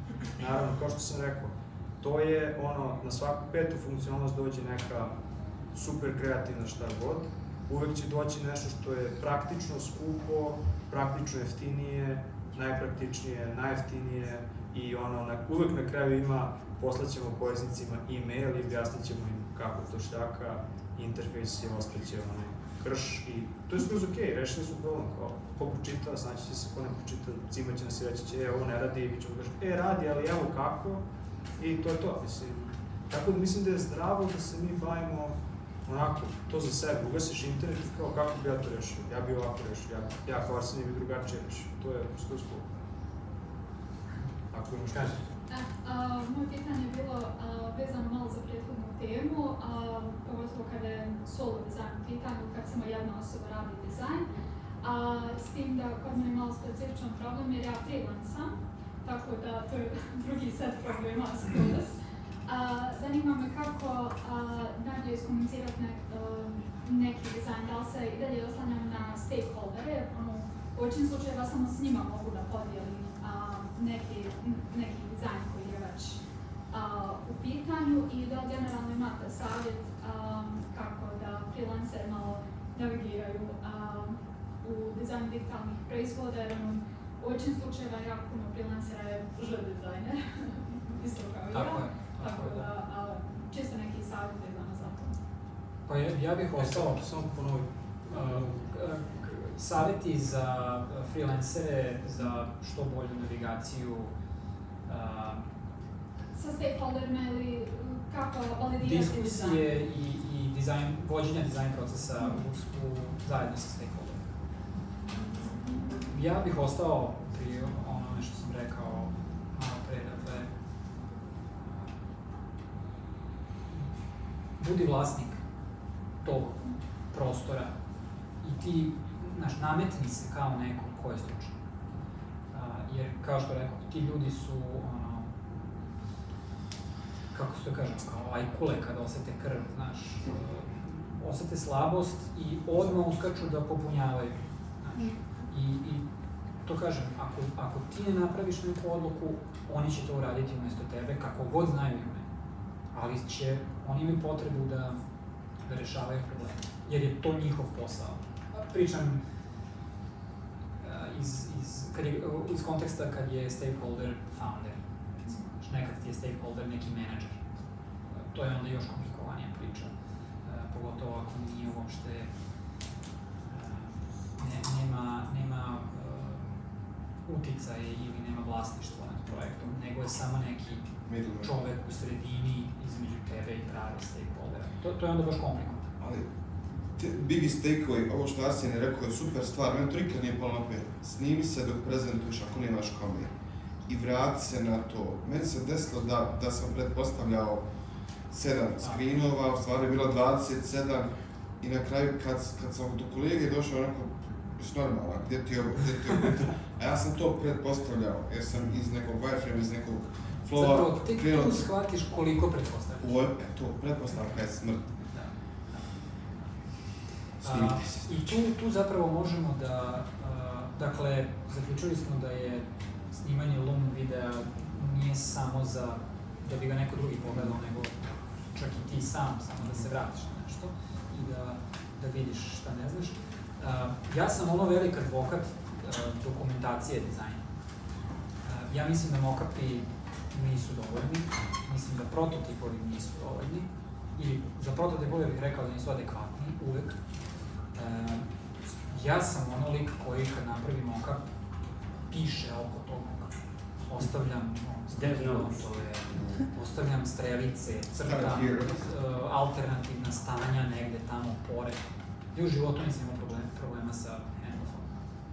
Tak, takvih dokumenta. Meni je to potpuno. I, I musavo je i, i nije nešto kao high tech, ali onako radi ok. I e, zapravo to možeš, e, tu dokumentaciju možeš da iskoristiš za argument, argumentovanje čak čitavog nekog pravca ili e, funkcionalnosti koje si izmislio da bi postigao neki korisnički cilj. Pojem šta. Tako da to je to. je to. Desna strana zeva. Od Bube, evo je desna strana se. Ajmo. Customer experience, da li da li kad našoj industriji, neko vaše mišljenje na generalno o postojanju customer experience dizajnera na našem području do domaćeg kako je to? Pitanje je customer experience design Da, u kontekstu domaćeg tržišta, recimo. A, Ja mogu da odgovorim ne za domaće tržište, ali kao customer experience sad a, u različitim organizacijama su bile osobe koje se bave time. A ono što sam ja radio kao a, sa, sa novim članovima tima u dizajnu jeste da im kažem vidite sa ovom osobom koja ona odgovara na, na poruke, na etikete, sve, sedi nedelju dana i vidi ono koji su problemi, šta korisnici misle o proizvodu, kako radi i tako dalje. I mislim da je tu užasno bitna saradnja, znači ne znam, bio sam sad, sad u startupu i kao ja sam radio, odgovarao na etikete, odgovarao korisnicima i tako dalje. I to je potpuno jedan reality check, kao ja sa druge strane pravim neku viziju i kao aha, ovo će da bude ovako i onako i onda dobijemo ovaj tiket, ne znam, ne znam ako govorimo o tom customer experience ili, ili u nečemu potpuno, potpuno drugom. Mislim da dizajneri mogu da doprinesu time što će da prvo znaju, imaju mnogo bolji puls nad korisnicima i druga stvar da možda izveniraju sam proces kako funkcioniše, kad se odgovara, na koji način se odgovara, kako ide mail, a, sama poruka maila, možda neka sličica. Mislim da su to stvari koje dizajneri mogu da doprinesu u samoj organizaciji da taj customer experience, koji je kanal, da li ćemo da snimamo video i da i da ovaj, pošaljemo korisniku nešto drugo što ćemo da uradimo za njega, ili ćemo da se setimo da im je, ne znam, rođendan i poslaćemo im neku, neku čestitku i tako dalje, tako dalje. Ovo, mislim da su to sve stvari koje dizajneri a, imaju u sebi i mogu da doprinesu. Opet ponavljam, imaš jedan mindset, samo je bitno koji je sad problem, ono, na koji će da najdeš. Tako da... A, a jel, ja mislim na, Možda da, da, je, nisam. da je srž pitanja, Možda ni- ja sam jesi, do, ne, nisi, o, rekao si dosta, dosta stvari sam koje se sve? dotiču toga, ali mislim da je ona mislila uh, kao individualni kontributor i kad je rola customer service design, da li tome ima mesta? Jes, jes, jes. Sada imamo jel, UX dizajner, UI dizajner, customer experience dizajner i sad se, jel, zavisno od veličine firmi, eh, tu se dijeli i specificija na određene uloge. Onaj, customer experience dizajner u našem području, koliko je u stvari Mislim da si Igle rekla ključnu reč, uh, veličina firme. Uh, mislim da je to tako neka crossover rola, baš upravo onako kako je Arsenije. Kako je vidi Vincent customer experience dizajner? Možda je to baš nekako, jel? Ja, ja iskreno nisam baš uh, fan te, nemam puno dodira sa tom takvom granularnosti uh, dizajna. Znaš, kao prije 10 godina smo to sve zvali user experience, uh, pa smo onda smislili service design, nismo smislili, onda je postao popularan service design. Ja customer experience design imam kao service design, developer experience design imam kao service design. Znaš, kao ne, nisu nam potrebne tako granularne, granularne role. Meni nisu potrebne, nekom Google možda jesu, jer imaju hiljade zaposlenih. Tako da, mislim da je stvarno, e, radi se o, o jako zavisi od konteksta organizacije i kako oni to vide. E, a ja mislim da to kod nas uglavnom potpada delom pod podršku, delom pod e, marketing, Ja bih rekao to da, je to. mislim, u organizacijama gde sam ja radio, to je uvek bila podrška i mislim, ne znam, po meni su to ono ljudi koji rade ceo dizajn, ali samo ne prave interfejs. Kao, znaju, znaju kako sede sa korisnicima, znaju ko su budući korisnici, ko su trenutni, šta su im pain pointi, umeju jako dobro da opišu te probleme u kontekstu proizvoda. Na primer, neko iz prodaje a, kaže, e, treba to i to. Ne, ne, ne zalazi toliko možda u problematiku i šta tačno se desi kad neko klikne i zašto klikću negde. Znači, razumeju sistem koji se proizvodi, pričaju sa inženjerima, pričaju sa, sa prodajom, pričaju sa dizajnerima i prave taj proces, kao što sam rekao, aha, koji je touch point na, na, na sajtu, koji je touch point na proizvodu, na društvenim medijima, zavisno sad kakav je, ako prodajemo na Instagramu, ako prodajemo na telefonu, kako se javlja na telefon. Mislim da je to, da je to nešto sad što, što, što vidim. Razmišljam da li se to preklapa sa onim što imali smo epizodu u kojoj smo govorili o service dizajnu. Da li je to nešto što se preklapa, ne znam. Ja, eto, mislim, meni je to podrška i zato, izvini ako sam ono, omašio pitanje, to jest odgovor, ali da, mislim da je jako važno da mi kao dizajneri da, digitalnih proizvoda ono, imamo pristup tome sad na koji način to, to, to već od organizacije do organizacije zavisi. Da. Koji je vaš, evo sad, novi digitalni proizvod, koji je vaš proces? Kako kreće? Gdje počinje? Kako imaš vremena? Dakle, pitanje je, Ubrzo. e, zadatak je novi digitalni proizvod od nule, čuo Od si ideju, Ima se neki recimo Brief, neki brief si dobio. i kako počinjete kako krećeš, šta radiš. Malo plaćam, Pa, ja uvek... Ja ne znam da sam dva puta radio isti, isti. A ne, stvarno, Da, mislim, mislim da je, da, potpuno je... Od svega zavisi kako će to da se desi, znaš. Ne, nekad ti klijent dođe sa nečim, ne, nekad se zaposliš negde i oni kažu, e, mi smo stigli do ovde, aj nam pomozi da nastavimo i, i znaš, kao milion nekih početnih tačaka imaš, imaš milion vrlo individualnih individualnih ograničenja koja važe u različitim tržištima. A, to je tako neka stvar gde, gde je a, taj kao gde možeš dosta da, da, da izvučeš dobrog ako, ako imaš taj malo taj sistemaški uh, mindset da Znaš, kao nema potrebe da budeš domenski ekspert da bi bila dobar product designer za taj proizvod, a nego možeš da vučeš iz svog svog pređašnjeg iskustva i da mapiraš neke probleme koji nisu baš bili isti, ali su, bili, ali su dovoljno slični i da, da on, na taj način rešavaš neke stvari. A, I tu je zapravo mm, hoću da kažem, tu ja volim da, da prepoznam, da, da kažem kao, tu, tu si dobar product designer, kada, kada možeš da uradiš te stvari. Nema potrebe da budeš, ono, ako radiš na proizvodu za medicinu, da ti ono, ideš, imaš završenu medicinu, ili da si, ne znam, radio nešto vezano na medicinu.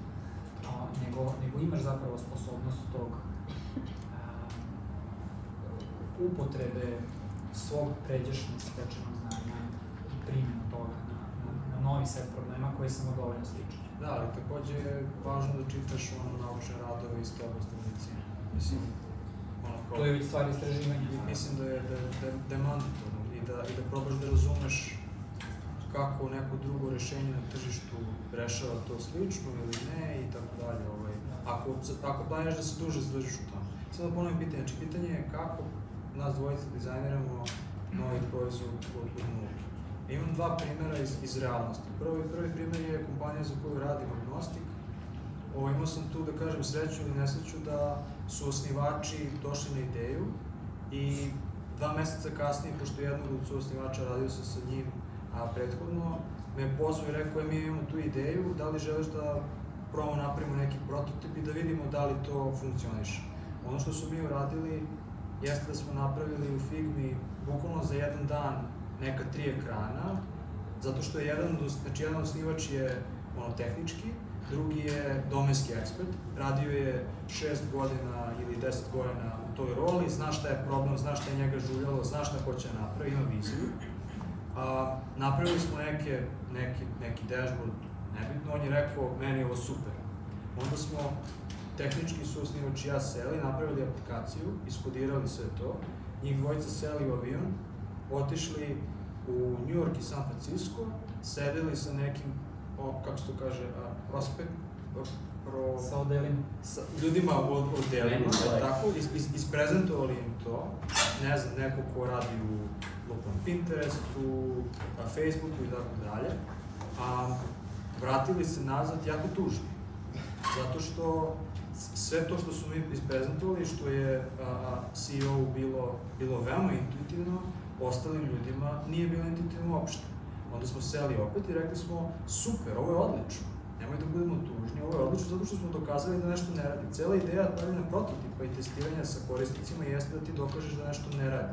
Mi ne znamo šta može da radi, uvek može nešto novo da radi, uvek mogu da izmislim nešto što će možda da radi, ali ajde da provalim brzo šta mi ne radi, seli smo, postavili smo aplikaciju, postavili smo potpuno novu paradigmu za aplikaciju i četiri godine kasnije mi dalje razvijamo nad, nad tom paradigmom i imamo korisnike, imamo investiciju i tako dalje i tako dalje.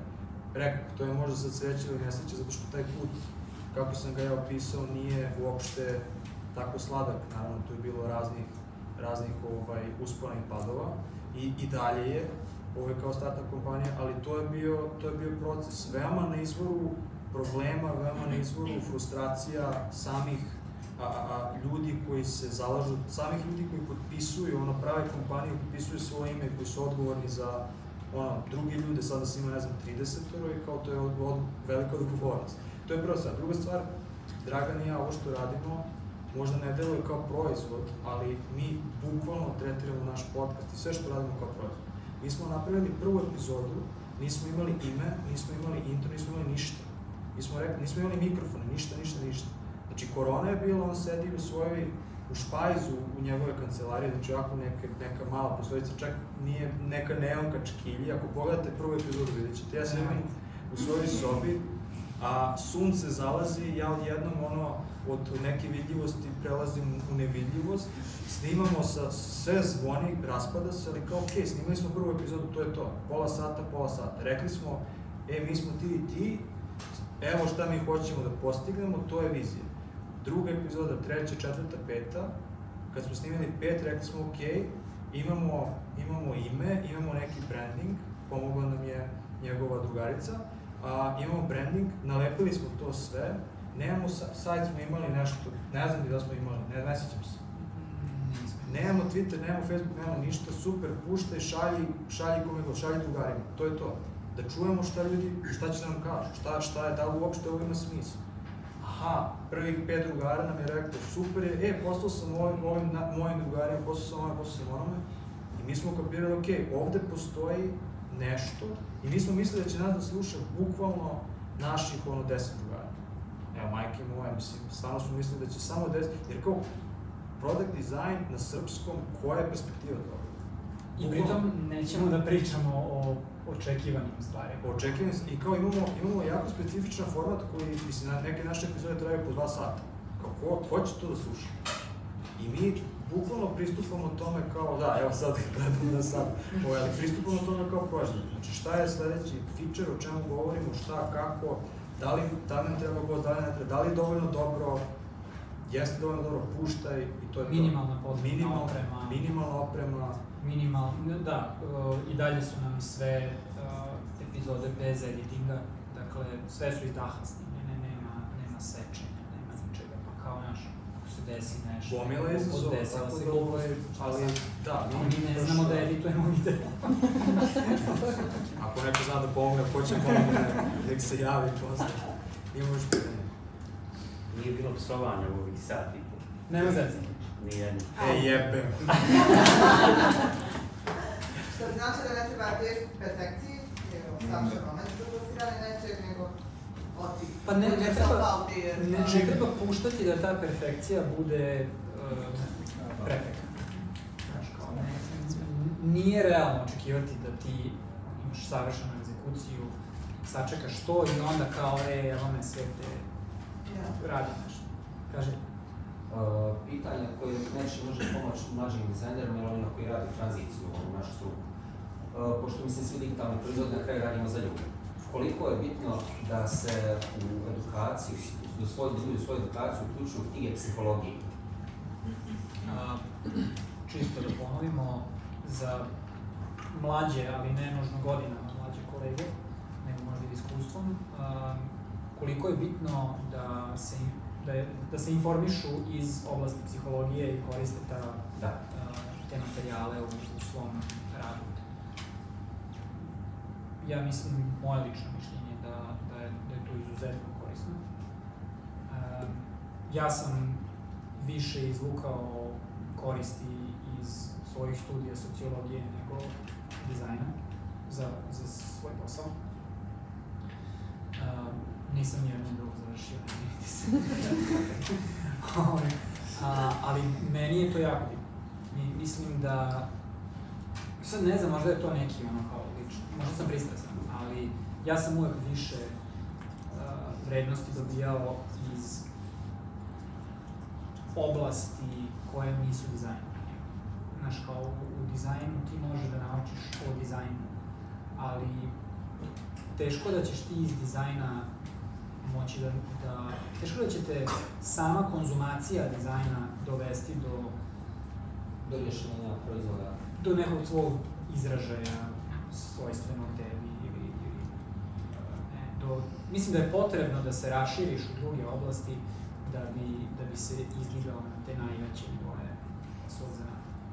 Ja mislim, ja generalno, kad me pita, uvijek govorim o čitaj čitaj arhitekturu, čitaj automagazine, čitaj nauku, čitaj sve osim svoje struke. Jer tako širiš sam poglede za bilo šta što radiš što se može kasnije pomoći direktno Ja, ja to kažem, ono, znaš, radi stvari uh, koje će te učiniti da, da budeš onaj lik s kojim, kao je, uh, s kojim ćeš moći da imaš dobar razgovor. znaš, kao budi taj lik koji, neće, koji će moći da priča o svemu, koji će moći kaže, e, znam to, čitao sam, ne znam šta. I, i ovaj, to, to ono kao širenje horizonta je, je nešto što nekako podiže sve, i ostalo znanje, što postani bolji u razumevanju ljudskog ponašanja, izučavaj antropologiju i biće bolji za nje. I, a nećeš nužno provesti više vremena u filmu. da. Tako da ima, ima to sve, soft skillove su baš, baš bitni. I, i soft znanje. Ja imam jedno pitanje. Može.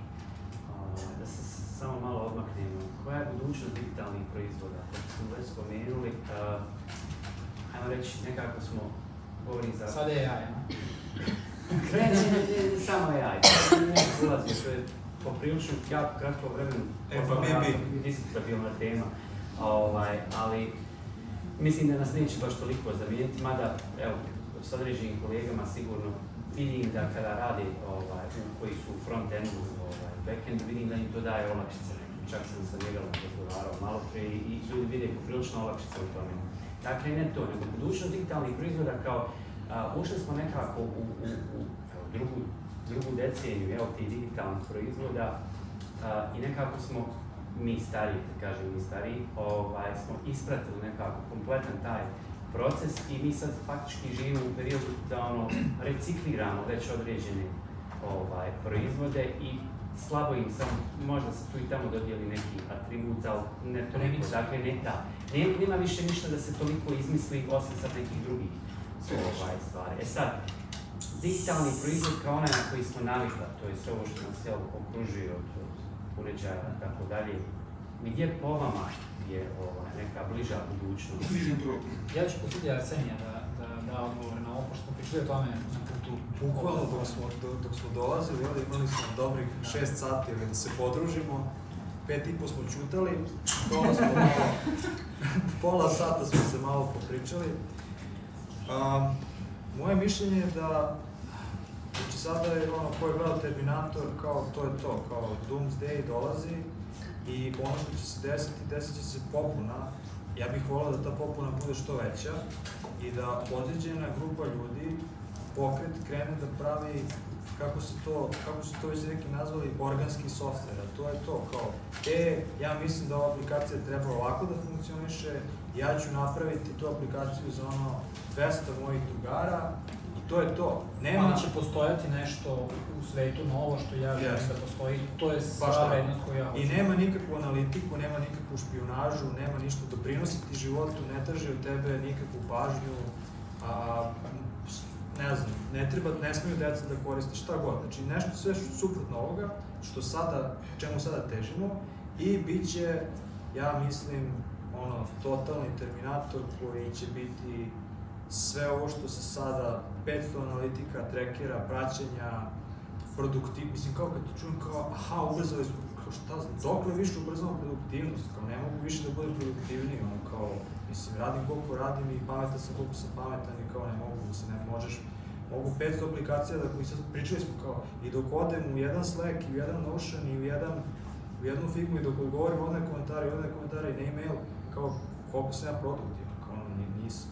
Ali mislim da će biti sve to puta 500 i da će biti kompanije koje, koje prave to i koje se sad već nekako pravimo, to koje se sada već pripremaju da budu to a, i koje prave alate ko, ko, koje imaju prirodu koja je potpuno a, izopačena i potpuno radi na način koji možda ne razume ljude ili ih pretvara u nešto što će biti, teraće ih da razmišljaju 500 puta brže, i, i tako dalje. Ja sam skoro baš, a počeli smo da pričamo o tome tako što sada dam ceo kontekst, ja sam nešto skoro proveo mesec dana na selu i ne znam, čuvao pse i kao išao u kafanu sa lokalnim ljudima i kao to sve i bio sam u fazonu koliko smo mi, kao nije problem u tim ljudima što imaju jedan zadatak dnevno, kao otići ću danas da gledam utakmicu tu futbolsku i to je to, nego je problem koliko mi smo naučeni da radimo na brzini interneta i koliko se sve prebrzo dešava i koliko sve od nas nekako očekuje da bude odmah. Znaš, kao pošaljem kolegi poruku, ja, ne, ja nemam očekivanja da će ikada da mi odgovori, ali kao ljudi očekuju potrebu, ha, Slack, Da, da, da, evo sad sam u, sad sam u prodavnici, ali odmah ti odgovorim čim dođu, kao, brate, nema potrebe, odgovori mi za 6 sati, kao, okej, okay, skroz. Tako da, a, eto, mislim da je to budućnost. Budućnost je, s jedne strane, organski softver, ono, male bašte za koje niko ne zna, koristi nas 30, super nam je zezanje, može svako od nas da ima svoju temu, šta god, da na svačiji telefonu izgleda potpuno drugačije i sve to. I sušta suprotnost... Znači MySpace. MySpace, bukvalno. MySpace je odličan bio. MySpace je bio, bio je sjajan. I... Jel koristi neko Arc browser? Arc? Da. E, on, oni sad imaju kao jak, jaku inicijativu ka tome, ja. gde su napravili napravili su čitav, čitavu funkcionalnost da koja ti omogućava ti customizuješ sajtove. Kako, znaš, edituje, dodaješ JavaScript, CSS, sklanjaš stvari, dodaješ stvari, praviš bukvalno šta hoćeš na sajtovima koje ti ovaj, posećuješ.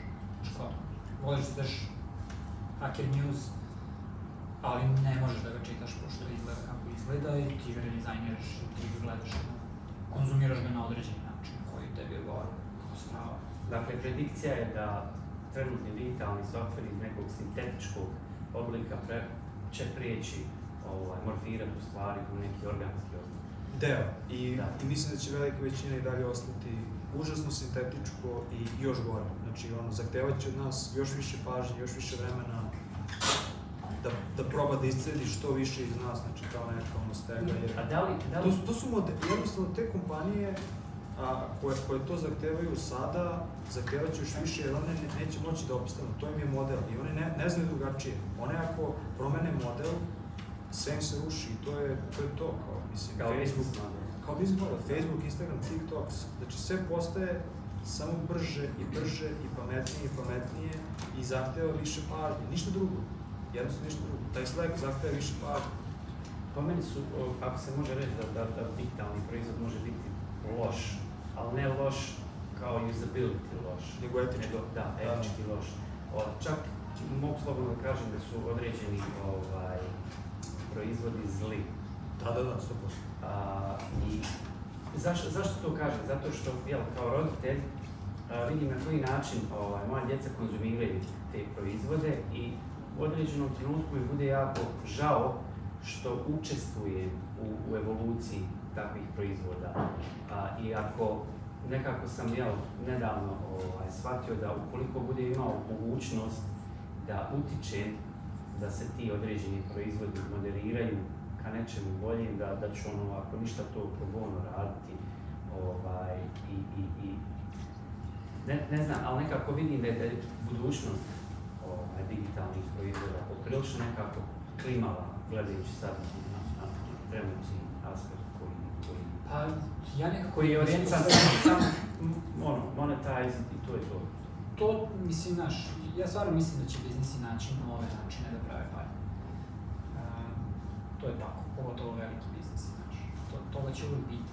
Ali isto tako mislim da, da i voleo bih da, da uh, se desi o, ovaj scenarij kojeg ja sam opisao, ta neka kao da revolucija da, da nema povratka nazad. Da. koja je sprovedena od strane kreatora digitalnih proizvoda koji jednostavno kažu mi više nećemo da radimo nego hoćemo da pravimo uh, indie software po da, znaš, pot, ok, ne, neću imati 250.000 dolara, 350.000 dolara platu godišnje, ali ću imati, ne znam, koliko i radit ću 500 puta manje i, i neće više biti overclockovan u glavi i ću se posvetiti nekim drugim stvarima, će sve biti ok. Znači kao da normalizujemo povratak na, na, na nešto malo iskrenije the nešto sa malo više duše. Da. A ja mislim da se desi upravo suprotno. Desilo se sa X aplikacija zadnje dvije godine kao imamo naj, most real aplikaciju, slika tebe, slika šta je ispred tebe, sve to je to bez editovanja se posta. Ovako su ovaj, prestali da rade, odnosno postali ono što nisu željeli da, da budu. Tako da, e, velika, postoji velika želja za tim nekim kao ono, ja želim da kontrolišem ono, svoj feed, svoj to, vrlo brzo to postane ono, mainstream i desi se sa svima, ili potonu ili nestane to. Apsolutno se slažem da je to ciklus. Znaš, ne... Da, zato što im je model e, isisavanje pažnje, ništa drugo. To je, ispostavlja se, znači mi već imamo, mislim, možete ono da, da, da pratite, postoje razni, razni trendovi kao što su slow tech, kao što su low tech, kao što su degrowth, kao što su, ne znam, ekipa iz Silicon Valley-a koji su snimili onaj social di- dilemma, ima na Netflixu, znači možete da istražite malo to, znači postoje psihološke studije gde, koje govore ono kao, evo šta je, evo šta je Facebook u proteklih 10 godina uradio na, na osobi koja je tada imala 10, sada ima 20 godina. To je to. Znači studija koja ne može da se ospori, dokazano. Nije, nije to sad rekao Arsen, je rekao Dragan. Mislim, kao nismo mi ništa smislili čitamo o tome, tako da, ovaj, da, nažalost, i mislim da će nešto, vola bi nešto pukne i da se ljudi podele i da kažemo, ok, hoćete vi da pravite za robote, super, mi ćemo pravimo za ljude, doviđenja, doviđenja, nema mešanja, ćao, zdravo. Ovaj, Jel, jel ima ovde ljudi koji nemaju Instagram? Ti nemaju Instagram. Otkad ti je? Da, tri časova nas nema Instagram. Čišćenje. Ovaj, mislim, život je dosta teži kad nećeš da učestvuješ u, u interakciji gde su svi ostali. Znaš kao, tipa, ja nikad ne znam šta se dešava u gradu. Ni, znaš, kao, propuštam sve vesti. Moji svi drugari i drugarice pričaju i vode razgovore kroz, recimo, Instagram je jedna od aplikacija. Ne znam šta se sad već koristi. Ostario se, Dragan. Ali, Nisi, ne, nikad nisi bio na odmoru, nikad nisi bio u restorane. Ce- ne, ne, nego hoću da kažem, Jedeš ti ništa. a, ok, ja, ja neću sebe da izopštim iz svih tih društvenih interakcija, zato što mi je previše skupo, jer uz učestvovanje u svemu tome, u tom ekosistemu, Podržavaš se. a, odlazi mi neopisivo više pažnje, jer ja neću uspeti sebe da, da kažem sebi nemoj da scrollaš, koristi to kao neki messenger ili ne, ne, nema znači ti si uvučen u to i onda, znaš kao, ne ideš više na, ne znam, Google da tražiš nešto, nego tražiš na Instagram, ne, znaš, dokle to ide, Meni je Huberman otvorio ovaj, totalno neku drugu dimenziju, ono, postao sam malo više samosvjestan po pitanju sebe, jer i- imam samog sebe, vodim sa tom činjenicom, pa ono, ne želim više da trošim, odnosno da konzumiram sadržaj koji mi odlači pažnju i koji me nekako decentralizuje. Želim da budem svjestan sebe, svoje okoline i, i, i stvari koje su mene A korak do toga, bitno. korak do toga je samo da budeš svestan koliko na tebe algo utiče. Da. Znači, budi makar svesna zašto ti sad vidiš to što je Instagram, Twitter, YouTube odlučio da ti. Jer zato što si tri puta već pretražila nešto ili se pite Boga šta je. I onda, onda nekako vremenom stekneš malo dobar, do, malo bolji filter za, za to šta, čime te hrani. E, Šta malo možeš da budeš. Pošto smo načeli analognu temu, ja, Da, ja bih volao, izvini sam, ja bih volao još jedno pitanje da imamo za kraj. Da, da, da. I da, da ovaj, wrap upno, pošto ljudi bi malo da se osveže i malo da se, da se popričamo offline. Može. Analogno. Analogno. Kolega, pitanje. Koji vam je najdraži ovaj, digitalni proizvod i zašto? Wow. NDA. Koji nam je najdrži digitalni proizvod i zašto? Nije razgovor za posao. Ja sam o ovome razmišljao nedavno i ne znam šta sam shvatila. Sad sad ću se... Reddit? Meni je Tetris. Kako bi se on mogao nazvati digitalnim proizvodom? Mogu. Teško te čuti. On nije Shazam, na primjer. Shazam? Da. On je sad- je pjesmu, sad- dva klika sve je u Otvoriš iOS-u. aplikaciju, klik će. Shazam je bukvalno kao magija. Da, da. Svaki put je bukvalno kao magija. Ti si kao magija, javiš se i nestaviš. Ovaj, Možeš Mislim ti da je jedna, jedna firma iz Novog Sada za Shazam. Čak i Shazam, uh, ono, ispod radara se tako uvukao u, u iOS bez ikakve najave. Oni su kupili, Apple ih je kupio. Apple ih je kupio interesno sa 14 Sa- Samo se pojavili, dakle, i ta vijest za kupovinu meni nekako promakla, ja baš nisam vidio. Kad nisi na Instagramu? Budi svjesni se. Da, e, ja, teško mi je pitanje zato što neću da kažem ono, software kojeg najčešće koristim. Nije, nije mi to omiljeno, sigurno. Ja volim arenu. Makes sense. Da, arena, sad ne znam koja je arena.net ili Arena.na. Ovaj, zato što se tu skupljaju ono, jako, jako urnuti ljudi i sam software mi je jako urnuti, ne menja se i sve je u raspadu i super je. A, I guilty pleasure su mi, imam neka tri Discord, kako se to zove, servera, Da. gde idem, gde su neki filozofi i tamo odem jednom u dva, tri meseca, znači svesno se ulogujem i odem i iščitam šta se tamo desi, presrećan sam i onda zatvorim i onda... Overload. Da, i onda mi je dovoljno mi kao iskomuniciram sa njima je nešto i kao to je to. Tako da, a, više bih rekao da je tip sadržaja i tip ljudi, zajednice koje se negde stvaraju, nego sam, sam software. Mislim da je možda svrha softvera da bude da okuplja određenu grupu. Facilitator. Tako je, da bude facilitator, bravo, nego da sad nameće nešto. To, je, to su mi dva primera ovaj, onako baš koja volim. Ja ne mogu da se setim ničega. Ali možda kad se ugasi kamera. kad proradi kliker. Dobro. Odjeva. Odjeva. Je li to? Dobro, hvala, hvala svima koji su... Arsen je radi odjeve.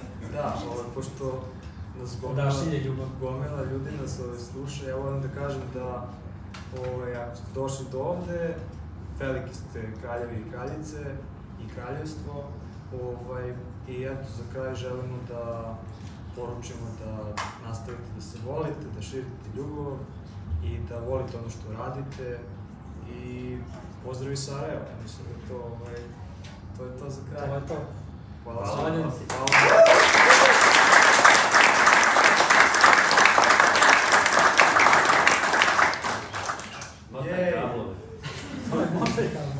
na obrt telefon, pa čuješ tam, ne? Bacaj ga tam dobro, tam dosti. Zdaj smo snimili smo, ja?